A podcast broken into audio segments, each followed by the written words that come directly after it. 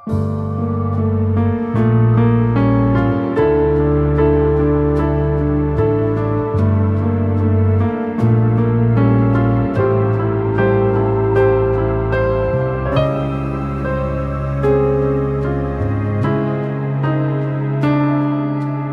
lytter til Nervøse tider. En dokumentarserie om politikk, religion og kriminalitet i norsk førkrigstid. Og andre episode av Lovbefalt mord. Historien om Ole Olvik, Norges første vaksinemotstander. I første episode hørte vi hvordan oppfinneren, lykkejegeren og naturlegen Ole Olvik sto bak den første organiserte vaksinemotstand i Norge.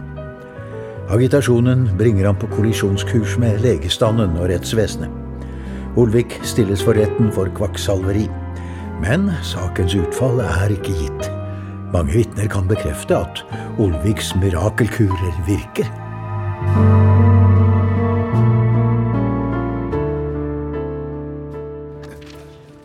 Og kan de så fortelle retten hva som skjedde siden, eller flott? Ja, så, så for jeg hjem, da. Og så sprang jeg der naken rundt oppi heiene. Rulla meg i teppet ute på marka og gno gulrøtter og åt nøtter og drakk de nye teslag. Så slik. Ja, ja, ja, ja, ja, ja, bare ledig. Det gjorde hele bygda òg. Men det gjorde ikke noe, for jeg kjente at kreftene vendte alltid meg. Og da jeg var helt frisk, at så de på meg som et rent vidunder. Som en mann som hadde stått opp fra de daue. Overrettssaksfører Gjersjø. Er det rett å innbille seg at en mann ikke kan ha den fornødne kyndighet til å kurere sykdommer uten at ha besøkt en autorisert læreanstalt, bunner i en snobbet tankegang. De som har vært her i dag, har fått mange slike beviser på hva Olvik har utrettet. Der legen har måttet oppgi saken, som det også fremkommer her til sist av herr Elleflåts vitnemål. Her foreligger altså en virksomhet av den gagnligste art, som så langt fra bør straffes, men heller belønnes. Det sunne legmannsskjønnet må komme inn, slik at loven fortolkes på en forstandig måte. Og gjør man det, har man intet annet å gjøre enn å frifinne tiltalte. Aktor Strøm. Jeg vil minne den ærede rett om at Ole Olvik er satt under tiltale for brudd på kvakksalverloven, som forbyr behandling av smittsomme sykdommer uten å være uteksaminert lege. Alt annet som forsvareren her bringer inn, som dette vitnemålet fra herr Elleflot, er saken ganske uvedkommende. Med hensyn til straffeutmålingen er det intet som tyder på at herr Olvik har tenkt å innskrenke sin praksis. Det legges derfor ned påstand om at han idømmes 21 dagers fengsel foruten saksomkostninger. Har eh, tiltalte noe å tilføye? At jeg står på tiltalebenken, skyldes en lov som gjør det mulig for påtalemyndigheten å forfølge en norsk borger som forsøker å hjelpe andre i nød. Skulle jeg av feighet unnlate å vise barmhjertighet? Er det å elske sin neste som seg selv? Ikke? Men hvorfor behandler man meg da slik? Vil retten dømme meg, kan jeg si Gud se i nåde til dem som har gitt en sådan lov. Meddomsretten i Haugesund avsier dom i saken mot Ole Olvik. I det første tilfellet anser retten det som bevist at tiltalte har behandlet pasienten, men kan ikke anse det som bevist at vedkommende led av tæring. Tiltalte er derfor på dette punkt enstemmig frifunnet. I de tre øvrige tilfellene anser rettens flertall det ikke for bevist at tiltalte har behandlet pasientene for tæring. Olvik kjennes derfor ikke skyldig, og er dermed frikjent.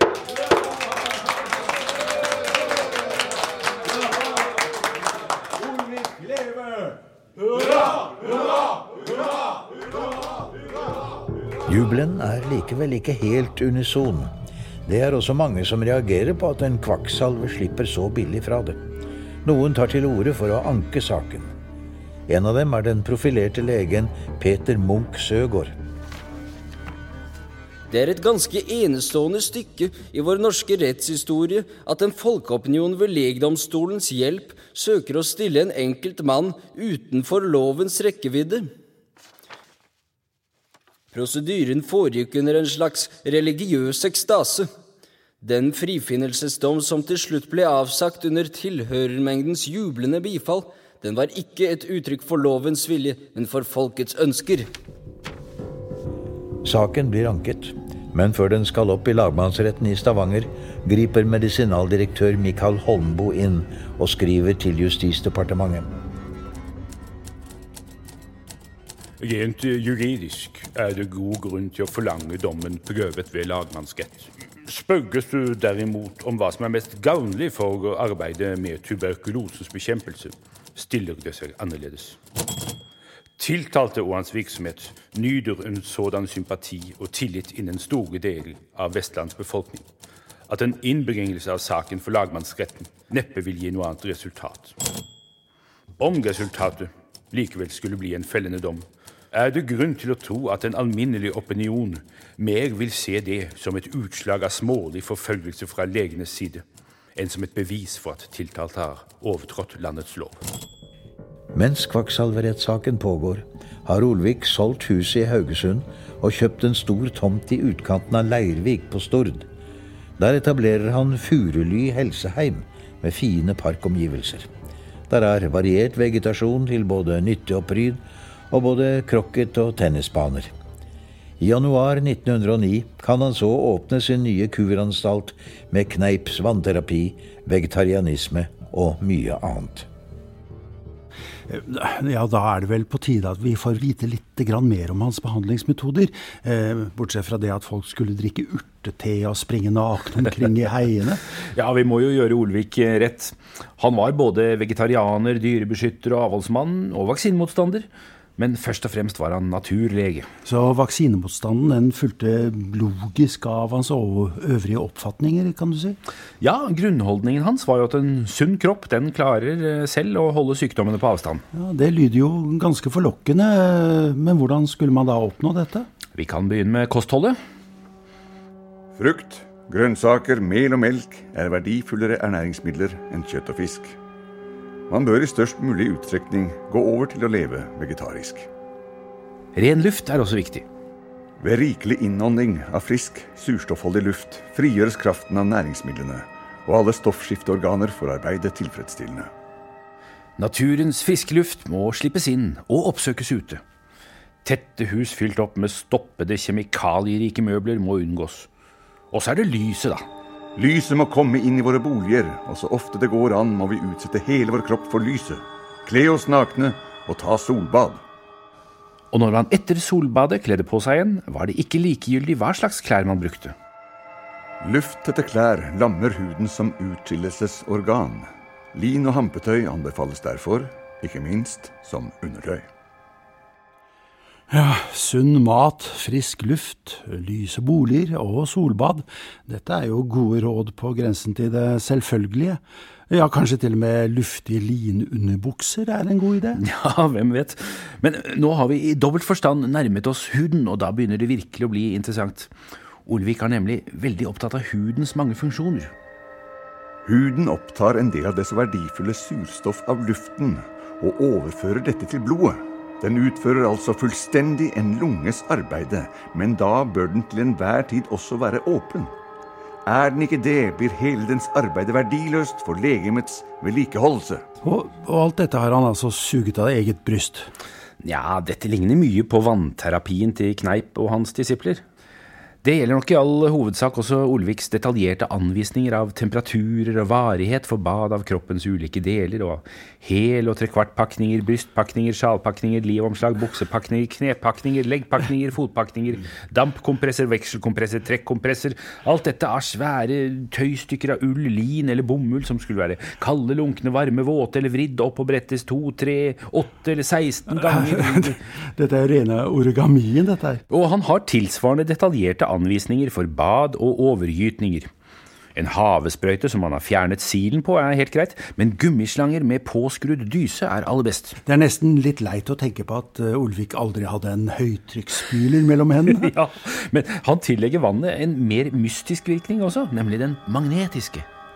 Ethvert legeme som oppvarmes, mister elektrisitet. Avkjøles det igjen, må det oppta elektrisitet. Da det er elektrisitet som holder ethvert stoff sammen, vil varmt vann som stadig avkjøles, ta bort noe av den sammenbindende elektrisitet i ethvert legeme. Således vil varmt vann virke oppløsende. Dette er viktig å vite når man skal fjerne byller, svulster og lignende. Ja, elektrisitet og magnetisme var jo på den tiden eh, sikkert veldig mystiske, for ikke å si magiske fenomener, som man lett kunne tilskrive all slags virkninger. Men har du noen eksempler på behandlinger av spesifikke lidelser? Ja, se her. Se i denne boken her. Kan vi se. Min hjemmekur av Olvik, utgitt i 1913, ja. Her leverer Olvik en serie praktiske oppskrifter for å kurere det aller meste. Bronkitt, gikt, revmatisme, utslett, eh, fordøyelsessykdommer Ja, eh, se her, her er kuren mot kopper. En og to ganger daglig helpakning av et ullteppe oppredd i varmt høyfrøavkok eller varmt saltvann en halv time. En og to ganger daglig kjølig helvasking. Man må også behandle ansiktet. Man lager masker med huller for nese, munn og øyne. De vrides opp i kjølig vann, og så legges en ulltøymaske utenpå. Disse omslag skiftes seks til ti ganger daglig. 20-30 ganger daglig drikkes en slurk vann.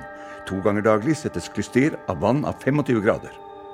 Pasienten bør ha røde gardiner for vinduene. Røde gardiner mot kopper.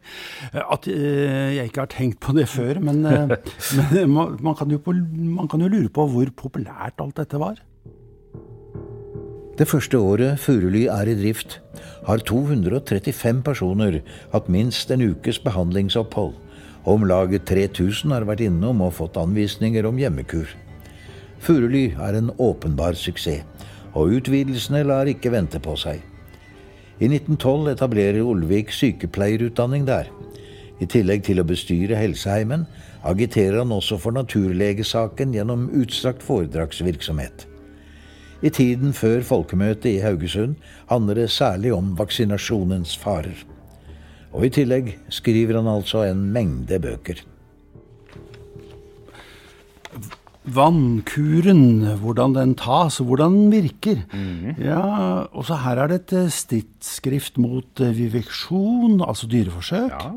Og så selvfølgelig mot vaksinasjon. Og så Naturlegens kokebok. Ja, den siste den inneholder ikke bare matoppskrifter, men også kostholdsråd, dietter og fastekurer. Og i 1913 kom altså min hjemmekur med de røde gardinene mot kopper osv. Alle bøkene kom i flere opplag og har store salgssuksesser. Ja, det må jeg si. Altså, han, hans ustoppelige entreprenørvirksomhet eh, kjente knapt noen grense, ser det ut til. Først var det lufttette sildetønner og pustende skosåler og hårvann, men, eh, men så ble det altså vidunderkurer. Ja, og denne ustoppelige aktiviteten førte også til at han i 1910 stiftet Norgesforening for naturlig legedom, og året etter en naturlegeforening i Stavanger. Så det var altså eh, fagmedisinere som sluttet seg til dette? Vel, altså i bestyrelsen så fantes det ikke en eneste legeutdannet. Ja, Godt å høre at man distanserte seg fra alt dette her. Ja, men vi skal passe oss eh, for å gjøre dette mer aparte enn det ble oppfattet som i samtiden, da. Ja vel? Jo, altså Mye av det som i praksis foregikk på Furuly, var ikke det vi i dag ville kalle alternativ medisin, men altså, det var nokså ukontroversiell fysikalsk behandling. Det var ikke denne behandlingen, men Olviks selvsikre og reklamemessige insistering på naturlegemetoden og disse kurenes fortreffelighet som skapte konfliktene. Eh, Men så hadde han jo også ganske prominente forsvarere, f.eks. For Hulda Garborg. Og hennes entusiasme smittet over på mannen hennes, i hvert fall delvis. Forfatteren Arne Garborg? Ja, nettopp. Garborg mener at han hadde hatt stor nytte av vegetarisk diett og hjemmekurer etter Olviks oppskrift. En drøy måned på forsommeren 1923 tilbringer han derfor på Furuly for å søke helsebot. I sin dagbok skriver han litt om dette oppholdet. Olvik eh, råka vi så vidt den kvelden vi kom. Samme natt skulle han til Stavanger og noe lenger sydover og holde foredrag. I overmorgen så kommer natta, og da skulle kuren begynne.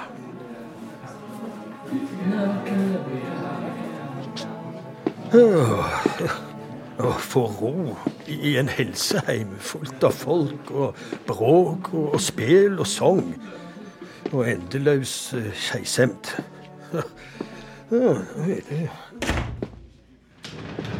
Det er vondt å være så gammel at en ikke kan være fanatisk. Jeg var hjemme igjen, eller i Knutaheia. Om jeg var i arbeidslag sjøl, ville alt det ulette gjøre meg arbeidsufør. I dag kom jeg endelig inn på legekontoret. Kom inn, Garborg, så får jeg se litt nærmere på dem. Kan De kneppe opp skjorten? Skal vi se mm. Mm. Han ransaka meg på doktorvis. Både lunger, hjerte og hals.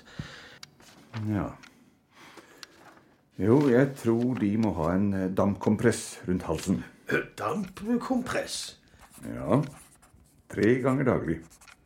Sykepleierskene hjelper dem med det. Og så må de tre ganger ukentlig ha varmt fotbad i ti minutter. Og så ga han meg oppskrift på de råd jeg skal bruke. Før sengetid. Her har de mine notater. Ta dem med ned til resepsjonen, så begynner vi behandlingen straks. Det var like så uleselig som ei vanlig resept.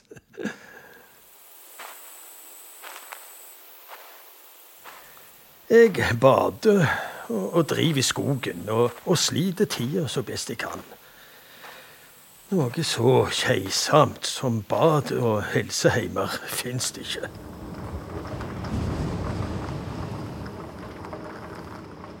Og i dag har vi et regnvær så vestlandsk at jeg ikke kan ligge til skogs om det er urolig i helseheimen.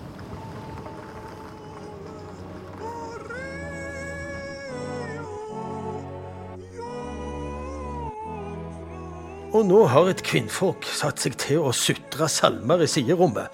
Just før jeg skulle til å skrive. Men så får jeg nå tru at dette varer ikke evig.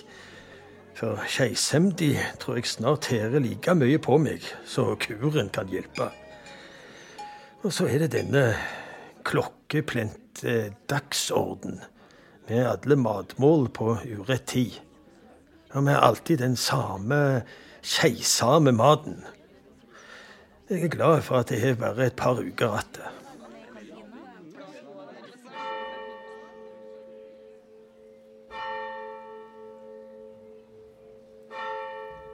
Stakkars Garborg. Kuroppholdet tok jo nesten knekken på ham. Nei, Det var nok ikke det som gjorde at han døde allerede året etter. Nei, men Olviks bad og klutomslag og gulrotknasking hjalp i hvert fall ikke stort. Nei. Likevel må vi innrømme at Olvik på en del områder var ganske fremtidsrettet. Ja. Noen av oss reagerer sikkert på hans eh, kategoriske fordømmelse av f.eks. Kaffe og alkohol. Ja. Men engasjementet hans mot miljøgifter og helseskadelige stoffer mer generelt kan vi jo nikke anerkjennende til. Krigsmotstander var han også. Han tonet et klart pasifistisk flagg under første verdenskrig. Jo, jo, men her fant jeg en bok her, 'Kjønnsliv og dets sykdommer', samt mm. disses behandling og helbredelse med giftfrie midler. Um, den har, etter hva jeg kan se, et litt kontroversielt innhold. Når det dyriske nydelsesbegjær med tilsetning av en sterkere eller svakere porsjon av ren kjærlighet og hengivenhet drager personer av motsatt kjønn til hinanden, og når disse dragende krefter dertil forsterkes av magnetiske tiltrekninger og ved tankebølger fra motparten ladet med de ovenfor nevnte egenskaper og blir virksom igjen, da slippes det løs en makt mot mennesket som der skal vilje og karakter til at motstå. Det er altså ikke noe abnormt, noe sykelig, men et helt naturlig krav. Vel at merke et krav som må beseires. En klar advarsel mot eh, selve kjønnslivet, altså. Ja. Olvik slår fast at kjønnsdriften er sterkest hos det mannlige kjønn. En kvinne som har like sterke lyster som menn, er en fallen kvinne, en moralsk degenereret eller en drikkfeldig. Og for ikke å vekke det kjønnslige begjær hos unge kvinner, er det viktig at de forblir uberørt, hevder han. Denne fortielsen av seksualiteten overfor jenter er ikke bare viktig i seg selv, den er også en garanti for et velfungerende ekteskap. Dette er ikke akkurat synspunkter som leder frem mot dagens forståelse av kvinners seksualitet, eller vår tids kvinnesyn overhodet. Nei, men um, seksuell avholdenhet har aldri skadet noen, mente Olvik. Og så kan du jo bare gjette hva han skrev om um, onani. Ja, sikkert forferdelig. Å ja. Alt du kan tenke deg av bivirkninger og lidelser, som toppes med forfølgelsesvanvidd og religiøse grublerier som utvikler seg til et religiøst vanvidd. Ja, hvordan skal vi da så unngå det som på den tiden kalles selvbesmittelse? Her presenterer Olvik sine vanlige vidunderkurer. Man må spise riktig, slik at avføringen holdes i orden. Ja. Hvis ikke vil det utskilles giftige stoffer i tarmen som kan virke pirrende på kjønnsorganene. Og mens vi likevel er eh, nedentil, så hadde han også en spesiell metode for å behandle kvinneplager. Å ja vel, ja. Ja, vi kan jo høre hva gamle stadsfysikus Thomas Wyller i Stavanger hadde å si om dette. Han var nemlig bekymret for hva Olvik eh, driver vi med i, jeg mener altså, på dette området. Herr Olvik har sørget for å ødelegge ethvert spor av tillit til ham for mitt vedkommende. Etter at han blant annet har begynt å lese i kvinnenes øyne at de lider av livmorsykdommer, som han behandler med innvendig massasje. En undersøkelsesmetode som nærmest må fremkalle et smil. Og en behandlingsmetode som i en uforstandig hånd kan foranledige farlige tilstander, og i noen henseende fremkalle meget lite tiltalende forhold. I tillegg til denne autodidaktens ansvarsløse selvsikkerhet, som Wyller kalte Olviks måte å opptre på, synes jeg Olvik blir mørkere og mørkere og mer gammeltestamentlig etter hvert som uh, årene går. Den siste originaltittelen hans var 'Vaksinasjonens farer, koppenes naturlige årsaker samt naturlige beskyttelses- og helbredelsesmidler'. Den kom ut i 1918, og i den gikk han i direkte konfrontasjon med fagmedisinen. Men du har jo fortalt meg at i 1906 eh, påviste man at kopper skyldes et virus. Jo jo, men uh, heller ikke det endret Olviks forståelse av sykdom. Man må gå ut fra at kopper, i likhet med enhver annen sykdom, er en følge av menneskehetens usunne, unaturlige, usedelige, ryggesløse eller ugudelige levnet. Sett at koppene er en sykdomsform, hvorved Gud vil varsle oss ettertrykkelig om at et slikt levevis må vi ikke fortsette med om vi vil arbeide på at nærme oss ham i renhet. Er det da noen som er så naiv å tro at det kan gå an å vaksinere bort denne advarsel ved å innføre i sitt legeme en slik forferdelig urenhet som vaksinen er? At sykdom skyldes ugudelig levevis. At eh, seksualitet består av magnetiske tiltrekninger og tankebølger, som han skriver. Og dertil at hans, eh, hans tidlige interesse for spiritistiske åndefotografier. Mm. Det aner meg at bak helsekost og vannkurer og vaksinemotstand skjuler seg noen temmelig spesielle religiøse forestillinger. Ja, la oss eh, høre hva veterinærdirektør Malm skrev om vaksinemotstanderne i 1915. Vaksinemotstanderne skal rekrutteres av de samme kretser som leverer såkalte naturleger, tilhengere av et innbilt naturmessig levevis, antiviveksjonister, homeopater, dyrebeskyttelsesfanatikere, spiritister, teosoffer, tilhengere av Christian Science og andre sosiale og religiøse villfarelser, som betrakter vaksinasjonen som et utillatelig inngrep i den guddommelige verdensordning.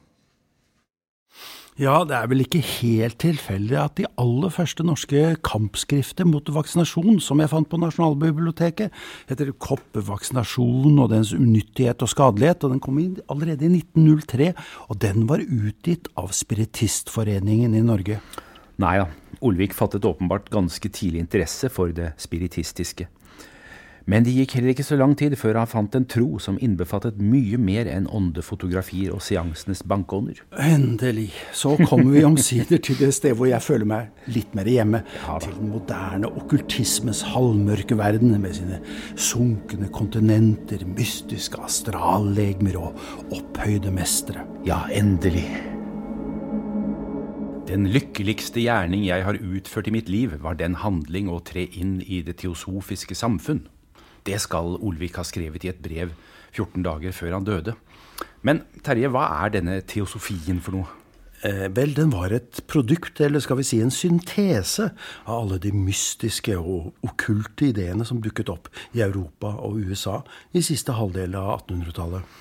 Dette var jo en tid da vitenskapen, med, ja, ikke minst med Charles Darwin, knuste de gamle religiøse forestillingene. ikke sant? Men hvordan henger dette sammen, da? Det var en motreaksjon mot det nye vitenskapsbaserte verdensbildet som hadde vokst frem.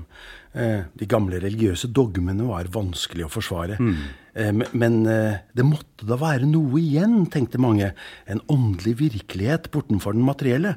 Bortenfor det den snusfornuftige vitenskapen kunne registrere. Og den første av disse motreaksjonene kom med spiritismen rundt 1840. Ja, ja. og Spiritismen er jo det som ser ut til å ha vært Olviks innfallsport til alt dette her. Ja, det appellerte sikkert til hans interesse for teknologi og alle nye typer oppfinnelser. Mm. Den var jo et slags praktisk og konkret forsøk på å bevise at det fantes en slik åndeverden. Og det kan professor i religionsvitenskap og ekspert på moderne okkultisme, Asbjørn Dyrendal, fortelle oss mer om. Åndefotografi er tilhører jo den kategorien av ting som er så vanlig i spiritismen, nemlig det at man bruker teknologi til å bevise det man tror på. Dette er da en av disse ulike tingene som ektoplasma og alle mulige andre ting, som altså sånn beviser en gang for alle vitenskapelig, teknisk og ordentlig at eh, ånder eh, ved hjelp av dobbelteksponering eksisterer. Akkurat, ja. Eh, men så forlot eh, Olvik spiritismen og fant teosofien. Ja, spiritismen er på mange måter teosofiens fødselshjelper. Når den først syntes å ha bevist eksistensen av en åndelig verden, fattet mange selvsagt også interesse for tidligere tiders okkulte og esoteriske læresystemer. Mm -hmm. Kanskje de kunne fortelle oss mer om de krefter som styrer verden, enn det vi hittil hadde trodd? Og det er her eh, teosofien kommer inn. Ja, grunnleggeren, den russiske Helena Petrovna Blavatsky, hevder at det eksisterer et eldgammelt og hemmelighetsfullt brorskap av åndelige mestere med et senter i Tibet. I Tibet? Er de der fortsatt? Eh, vel ikke fysisk, da, men på astralplanet, skjønner du. På astralplanet? Ja, disse mesterne har gjennom årtusener utviklet stor visdom. Hun mente at det var disse mesternes lære som utgjorde alle religionenes felles felles kjerne. Ja, det var deres eh, gudsvisdom, eller Theosofia, Blavatsky presenterte i sine skrifter. Ikke noe småtteri? Nei. Blavatsky startet i 1875 en verdensomspennende bevegelse som fikk titusenvis av tilhengere. Også i Norge ble det opprettet en teosofisk losje i Kristiania i 1893. Verdensbevegelsen fikk etter hvert hovedsete i Adyar i India. Det er ganske langt fra Stord. Ja, men det var ganske naturlig, ettersom det var hinduismen og buddhismen som i størst grad satte preg på teosofien. Ja. Teosofene lærer bl.a. at formålet med menneskelivet er åndelig frigjøring, men for å nå denne må menneskesjelen først gjennomgå mange inkarnasjoner. I tillegg så ruller Blavatsky opp et enormt panorama over verdensutviklingen. Menneskehetens historie tok til for mange hundre millioner år siden, og gjennomgår en syklisk utvikling gjennom såkalte rotraser. Rotraser? Ja, ifølge henne tilhører dagens mennesker den femte ariske rotrasen i det fjerde verdenssykluset. Ah, jeg skjønner at teosofien hadde eh, langt mer å tilby enn spiritismens bankende bordben, ja. Teosofien er en dypt intellektuell tildragelse. Det er fryktelige mengder med Eh, religiøse spekulasjoner og filosofiske spekulasjoner som blir stabla oppå hverandre i en esoterisk tradisjon. Men spiritismen på mange måter er litt sånn, mer sånn minimumsreligion. Teosofien har jo da mye mer det eksotiske, utviklingen med eh, hemmelighetene fra Egypt og hemmelighetene fra India og Tibet, og, og som kan fortelle om ikke bare hva som skjer her og nå, men hvor det har sine røtter røtter i forhistorien og i hemmelige utviklingstrinn som ligger utenfor den menneskelige, materielle tilværelsen. Og det var dette tankeuniverset Olvik, særlig mot slutten av sitt liv, lot seg suge helt inn i. Mm. Høydepunktet kom i 1922, da han etablerte den teosofiske losjen Klippen i Leirvik. Han hadde sikkert eh, store forhåpninger til denne losjen, selv om den bare talte de nødvendige syv medlemmene. Mm. Eh, men den falt sammen eh, etter at Olvik døde. Ja, Men hvilken sammenheng er det da mellom Olviks vaksinemotstand og naturlegepraksis og denne interessen for ja, først spiritisme og så teosofi? Vi ser jo dette her nokså ofte. altså Den blandinga av interesser med alle ting som står i opposisjon til det bestående. Fra religion til eh, medisin, alternativ livsstil, alternativ kunnskapsregimer. På alle fronter. Asbjørn Dyrendal eh, forteller om en slags religiøs motkultur. Men den store sympatien Olvik fikk på Vestlandet, får jo også oss til å tenke at det kanskje er snakk om en, en, en slags periferikulturell motstand mot øvrigheten? Ja, der tror jeg du har et poeng, Torstein. Kampen mot makt og velde som du da finner i deler av spiritismen, og eh, vaksinemotstand er i veldig stor grad også den gangen eh, et uttrykk for opposisjon mot statsmakt og overmakt mer generelt.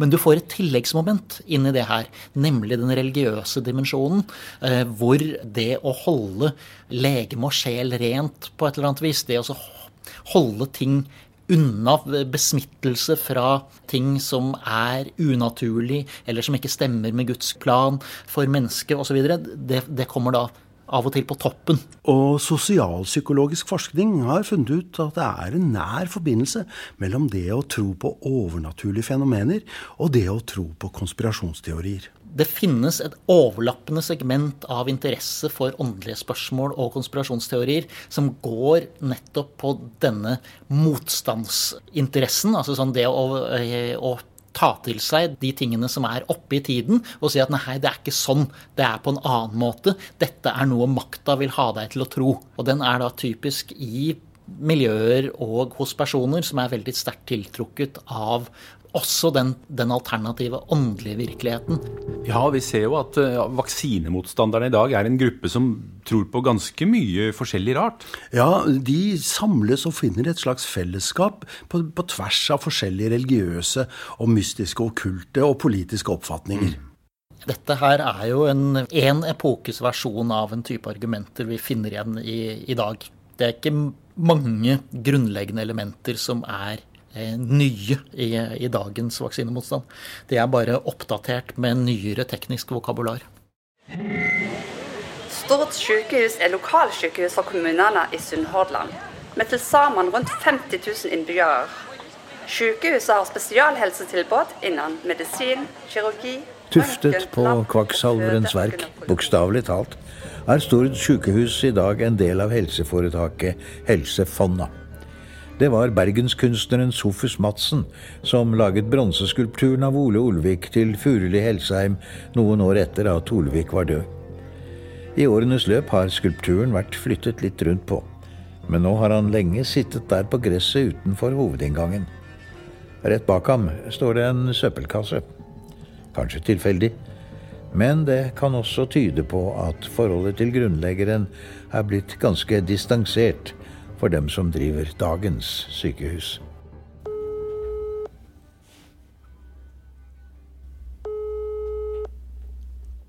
Anne Beth Njarheim. God dag, det er Torstein Arisholm fra Sykehusbygg. Jeg snakker med klinikkdirektøren på Stord sykehus, gjør jeg ikke det? Jo, det gjør du. Eh, Stord sykehus ligger jo der det ligger, fordi man i årenes løp bokstavelig talt har bygget videre på Ole Olviks helseheim. Men eh, du, altså Olviks oppfatninger om sykdom og helsebot, eh, viderefører dere dem også? Ikke så akkurat sånn som han eh, hadde det i sin tid, fordi at han eh, Altså, Jeg må jo si at jeg syns det er flott med det fokuset som han hadde allerede da på folkehelsen, og at han hadde tro på at individet kunne på en måte være med å bidra til, til bedre helse for seg sjøl. Eh, men eh, han hadde jo noen kontroverser, eh, som f.eks. vaksinemotstand. Ja, Han var jo den første som, han var jo, sto jo bak den første organiserte vaksinemotstanden i Norge i 1911. Han mente at koppevaksinen var en gift, og anbefalte jo andre virkemidler mot sykdommen, f.eks. røde gardiner. Du kjenner til dette, tydeligvis? Ja, akkurat røde gardiner vet jeg ikke om jeg kjente til, men jeg vet i hvert fall at det var spesielt da i Haugesund. Der var det jo sånn at det, det var både folkemøte og, Mm. og at, at han da var en av de som talte varmt eh, mot vaksinen. Og dette med argumenter som type at eh, jeg bestemmer ved min kropp, eh, og, og det er liksom nesten en forbrytelse mot meg hvis, det, hvis andre skal mot min vilje sette vaksine, f.eks. Mm, mm.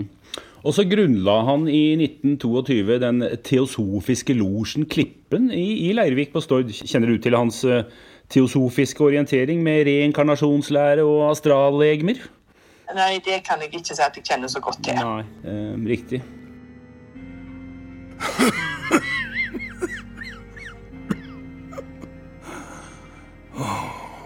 Tenk at jeg får dø den dagen Kristus døde. Skal Olvik ha sagt eh, langfredagsmorgen 1924. Og senere samme dag døde han. Av tuberkulose i magen. Å, ja, så hans personlige sanatorium hadde ikke vært, skal vi si, helt tønnetett? Nei. Eh, Da jeg så statuen for første gang, tenkte jeg på at dette var en mild og rolig person, men samtidig en rakrygget og våken person. Men jeg vet ikke lenger. Kanskje var han mer seig enn mild, mer dogmatisk enn rolig. Mer selvhevdende enn rakrygget og mer opportunistisk enn våken. Mm. Kan se her hva Haugesunds Avis eh, skrev om han da han eh, dro fra Haugesund. Denne noble, fintfølende naturen, hvis dom om andre var så mild og behersket, og har så lett for å vinne hjertene. Ja, ja. Jeg må si jeg er i tvil om den personkarakteristikken der.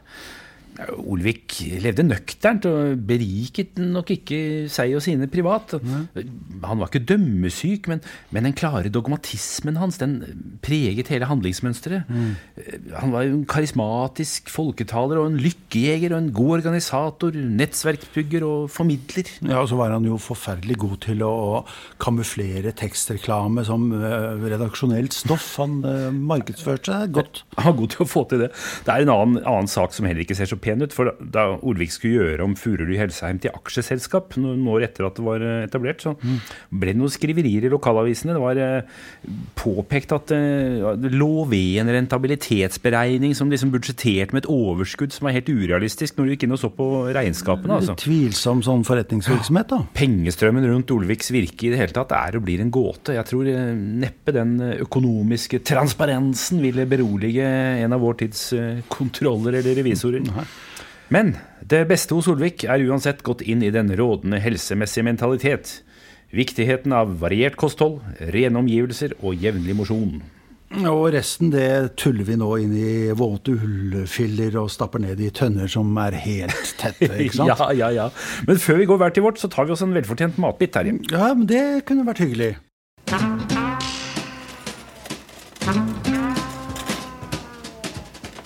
Jeg tenkte vi kunne lage den her ute på kjøkkenet. Jeg har med ingredienser til en rett jeg fant i går på matprat.no. Det er en halv hodekål, fire appelsiner, 200 gram svisker, 100 gram grovhakkede hasselnøtter, to spiseskjeer sitronsaft og en teskje sukker. Ja, helt fint med en salat. Det er ikke en hvilken som helst salat. Oh. Det er